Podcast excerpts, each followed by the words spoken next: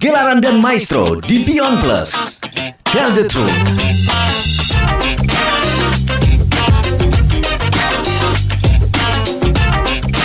Halo sahabat musik, saya Heru Cahyono. Saya Simon Sarbunan. Kita berdua adalah tuan rumah dari Gelaran dan Maestro di Beyond Plus.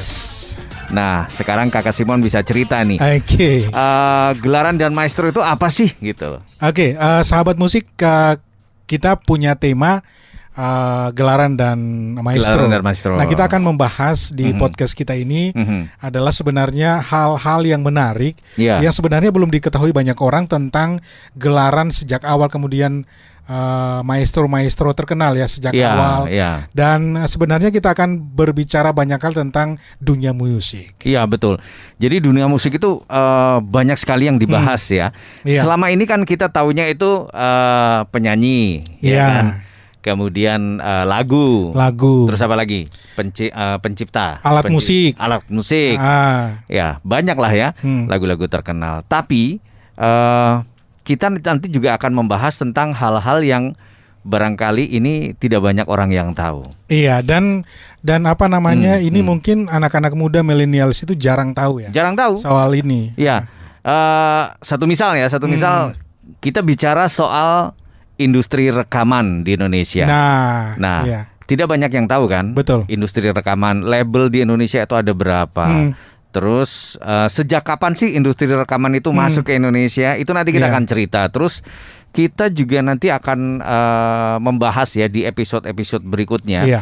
Kita itu juga akan membahas tentang ah, dulu itu kan ada festival lagu Festival. populer, ya kan? Ah, sejak kapan tuh ada festival lagu populer? Dulu pernah ada istilah bintang radio dan televisi. Nah, karena banyak penyanyi-penyanyi juga Iya. Indonesia khususnya Iya. yang diorbitkan melalui misalnya bintang radio. bintang radio. Ada Bruri Persolima di sana kan. Itu nanti kita akan cerita tentang Hmm. itu. Terus eh, mungkin secara global juga nanti tentang eh, konser-konser musik ya, Iya. baik itu yang ada di luar negeri Hmm. maupun di Indonesia, konser-konser musik yang sangat legend. Betul. Kita tahu juga di luar negeri dulu ada konser musik kayak festival gitu, Hmm. tapi itu eh, artisnya wah top-top semua itu. Nah, Itu namanya Woodstock dulu itu namanya. Woodstock. Saya nggak tahu Woodstock tuh masih masih ada nggak ya? Saya nah itu dia.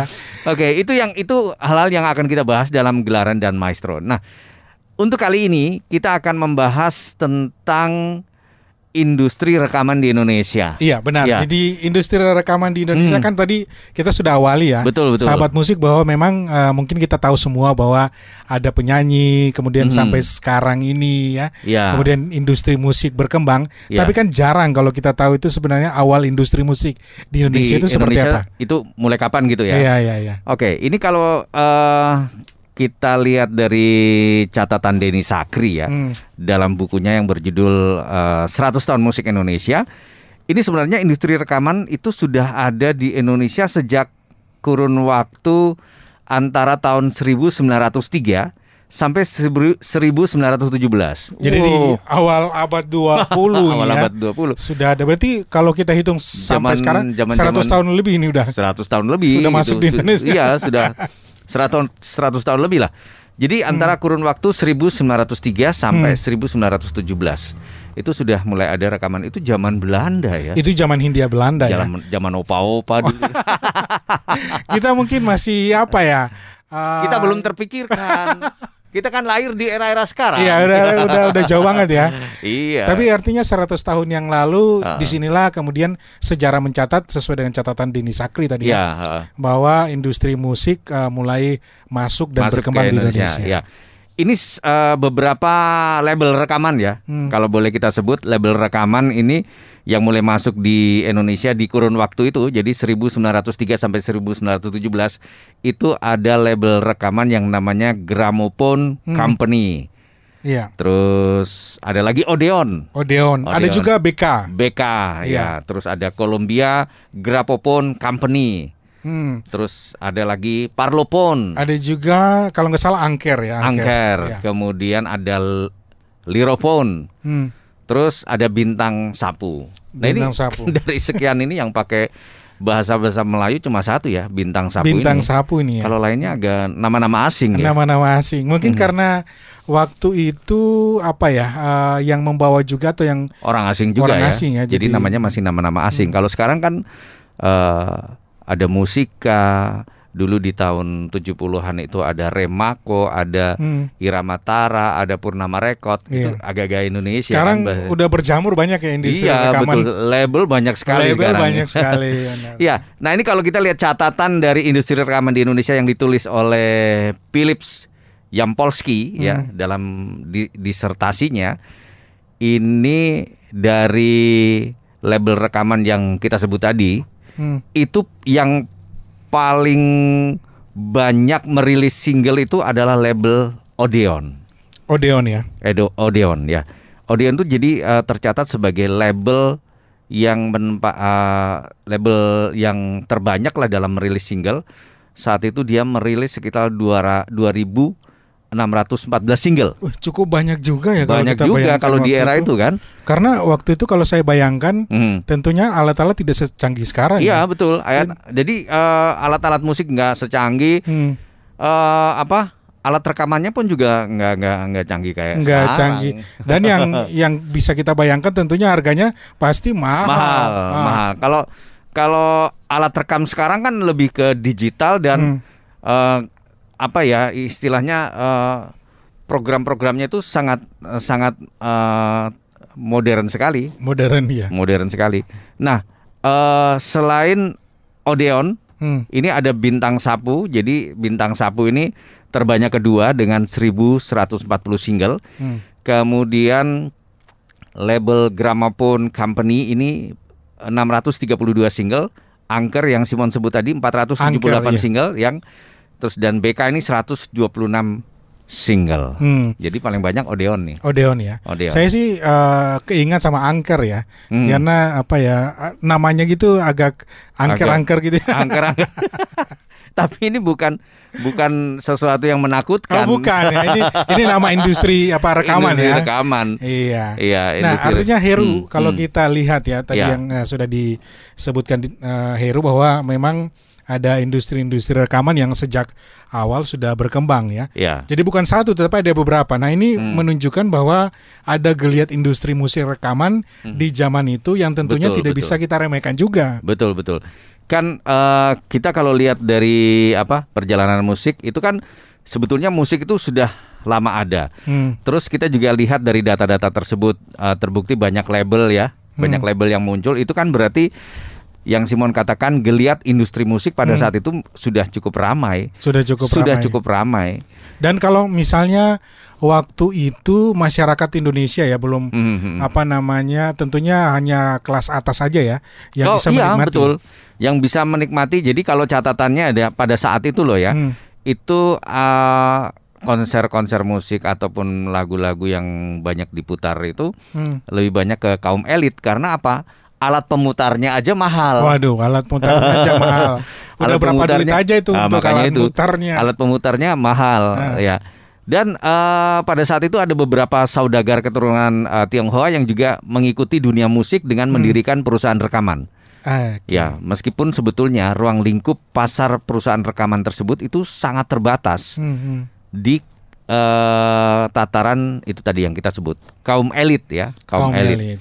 Tapi pengusaha rekaman yang berada di Batavia kayak Hmm. Tio Tech Hong ya, ada namanya Tio Tech Hong itu yang lokasinya di Pasar Baru. Hmm. Kemudian ada yang di Pasar Senen namanya Li Akon. Kemudian Liakon ini Liakon, ya. Tiong apa Tionghoa juga nih ya. keturunan Tionghoa. Hmm. Terus ada juga saudagar eh, Li Liangsui di Surabaya dan juga Tan Tik Hing di Semarang. Jadi ini eh, para saudagar keturunan Tionghoa yang mencoba juga meramaikan Hmm. industri musik pada saat itu dengan mendirikan perusahaan-perusahaan rekaman. Benar, karena latar belakang mereka uh, seorang pedagang ya. Ya, Jadi tentunya punya kelebihan duit tuh. betul. betul. Untuk kemudian mereka punya modal. Mereka punya Ya, modal, itu yang paling penting ya waktu betul, itu ya. Betul, Hmm. Nah, eh, pada saat itu fonograf atau gramafon ini menjadi perangkat pemutar rekaman yang mewah. Itu tadi kenapa kalau ada pertanyaan kenapa ya di zaman dulu hanya kaum elit yang bisa mendengar? Nah, ya itu dia. Alasannya nih salah Alat- satunya. Mm-mm, alat pemutar rekamannya juga mewah, Betul. harganya sangat mahal. Hmm. salah satu pedagang Tionghoa yang tersohor ini juga pada saat itu menjual perangkat pemutar rekaman walaupun harganya mahal yaitu Hmm. yang kita sebut tadi Tio eh, Tio Tek Hong ini ya. Tiok Tek Hong ya. Ya, dia eh ya karena mungkin jiwa dagangnya, insting bisnisnya sangat besar, ya kan. Terus akhirnya dia memiliki beberapa gerai retailer yang bisa dianggap ya menunjanglah bisnis rekaman pada saat itu. Hmm. Ya, A- Artinya Heru uh, tadi uh, apa ya? Uh, Tiak Tek Hong kemudian di Semarang dan juga itu artinya yang ada di Surabaya juga orang-orang ya. uh. Tionghoa ya yang sebenarnya Iya. uh, lebih banyak untuk uh, terjun ke dunia bisnis rekaman ini sebenarnya Betul di betul. awal awal uh, industri musik masuk ke Indonesia ya. Betul, ya. Nah, musik-musik yang berasal dari rekaman fonograf itu kemudian dimainkan oleh musisi Belanda Hmm. pada saat itu, kemudian uh, musisi Tionghoa sendiri, orang Indonesia, Ambon, Manado, Orang Ambon, Manado ya. ya. Mereka semua memainkan uh, beberapa musik yang yang berasal dari rekaman fonograf itu, Hmm. lagu-lagu uh, apa ya? Lagu-lagu Amerika yang pada saat itu ada satu lagu Amerika yang cukup populer yang sering dimainkan itu adalah Lazy Moon. Lazy Moon ya. Lazy Moon ya. Ini dinyanyikan oleh Oliver Hardy dalam film Pardonas di tahun 1931 atau lagu Mother of Mine yang diangkat dari puisi karya uh, Rudyard Kipling. Hmm.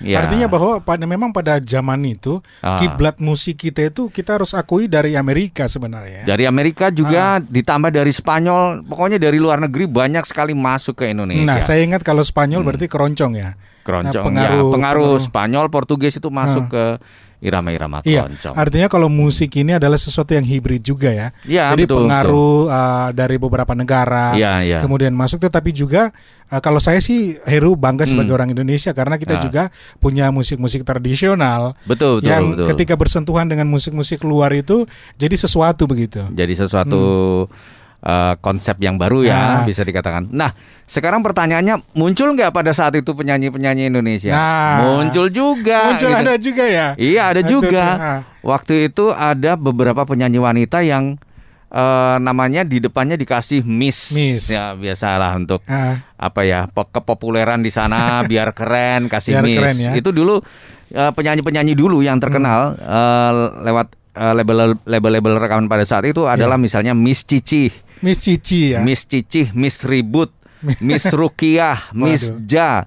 Ini adalah ini kalau istilah sekarang apa? Diva ya. Diva ya. Ini diva Oke. pada zaman dulu loh ini. Nam- nama-nama mereka ini ditambah Betul, Miss tapi betul. kalau kalau dilihat ini nama Indonesia banget ya. Indonesia Cuma ditambah sekali. Miss di depan Tambah supaya Miss, ya. terlihat gini oh, elegan gitu. Iya, mereka ini eh, populer sampai eh, ya sekitar 4 tahun 40-an lah. Hmm, hmm. Ya, ta- 40-an. Ya. Nah, kemudian kadang kita berpikir juga dulu itu musik apa sih yang direkam gitu? Hmm. Lagu-lagu apa sih yang direkam gitu? Iya, Ya. kita apa ya? eh, kalau industri musik pasti merekam lagu.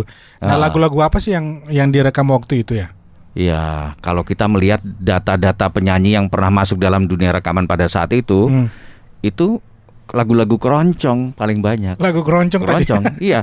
Ini coba kita lihat eh, dari tata- catatan Denny Sakri ya, Ah, penyanyi dan kelompok musik yang direkam oleh Tio Tek Hong ini cukup beragam. Untuk musik keroncong ada orkes keroncong Park, hmm. kemudian orkes eh, Moritsko, Moritsko ya. ya, terus ada keroncong Sangguriang, keroncong Air Laut, keroncong Deca Park, Hmm. terus ada juga musik kasidah Simon. Kasida ya. Ada kasidah ini juga. kalau kasida berarti pengaruh dari eh, Arab. Arab, ini? ya. Iya, iya benar. Ini terbukti ada Ah. uh, kelompok kelompok musik kasidah yang pada saat Hmm. itu direkam. Ada kasidah Sika Mas. Hmm. Orkes Gambus Metsir, Hmm. kasidah Rakbi Mas, Gambus uh, Buakana, Gambus Hmm. Turki. Nah ini mereka-mereka ini yang mewarnai hasanah uh, musik di saat itu. Iya, jadi kalau kita itu. kita lihat berarti ini pengaruh Timur Tengah ya. Iya, iya, iya. Jadi eh, waktu itu memang banyak sekali pengaruh-pengaruh dari luar yang masuk ke Indonesia, Hmm. Timur Tengah.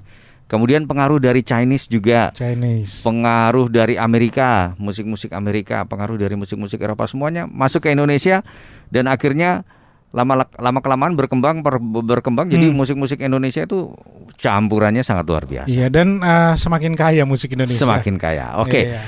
Baik, eh, Simon, kita sudahi dulu untuk pembahasan kali ini ya. Oke. Nanti kita akan lanjut lagi dan jangan lupa sahabat musik Hmm. eh, gelaran dan Maestro 103 itu dihadirkan setiap hari Rabu, Hmm. pekan pertama dan pekan ketiga, Hmm. ya.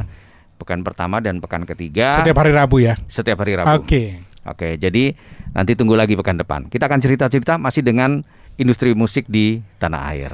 Oke, sahabat Oke. musik, Mhm. eh, mungkin sampai di sini ya Heru ya. Sampai di sini kita sudahi dulu gelaran dan maestro di Beyond Plus. Saya Heru Cahyono. Saya Simon Sarbunan. Sampai jumpa. Beyond Plus, tell the truth.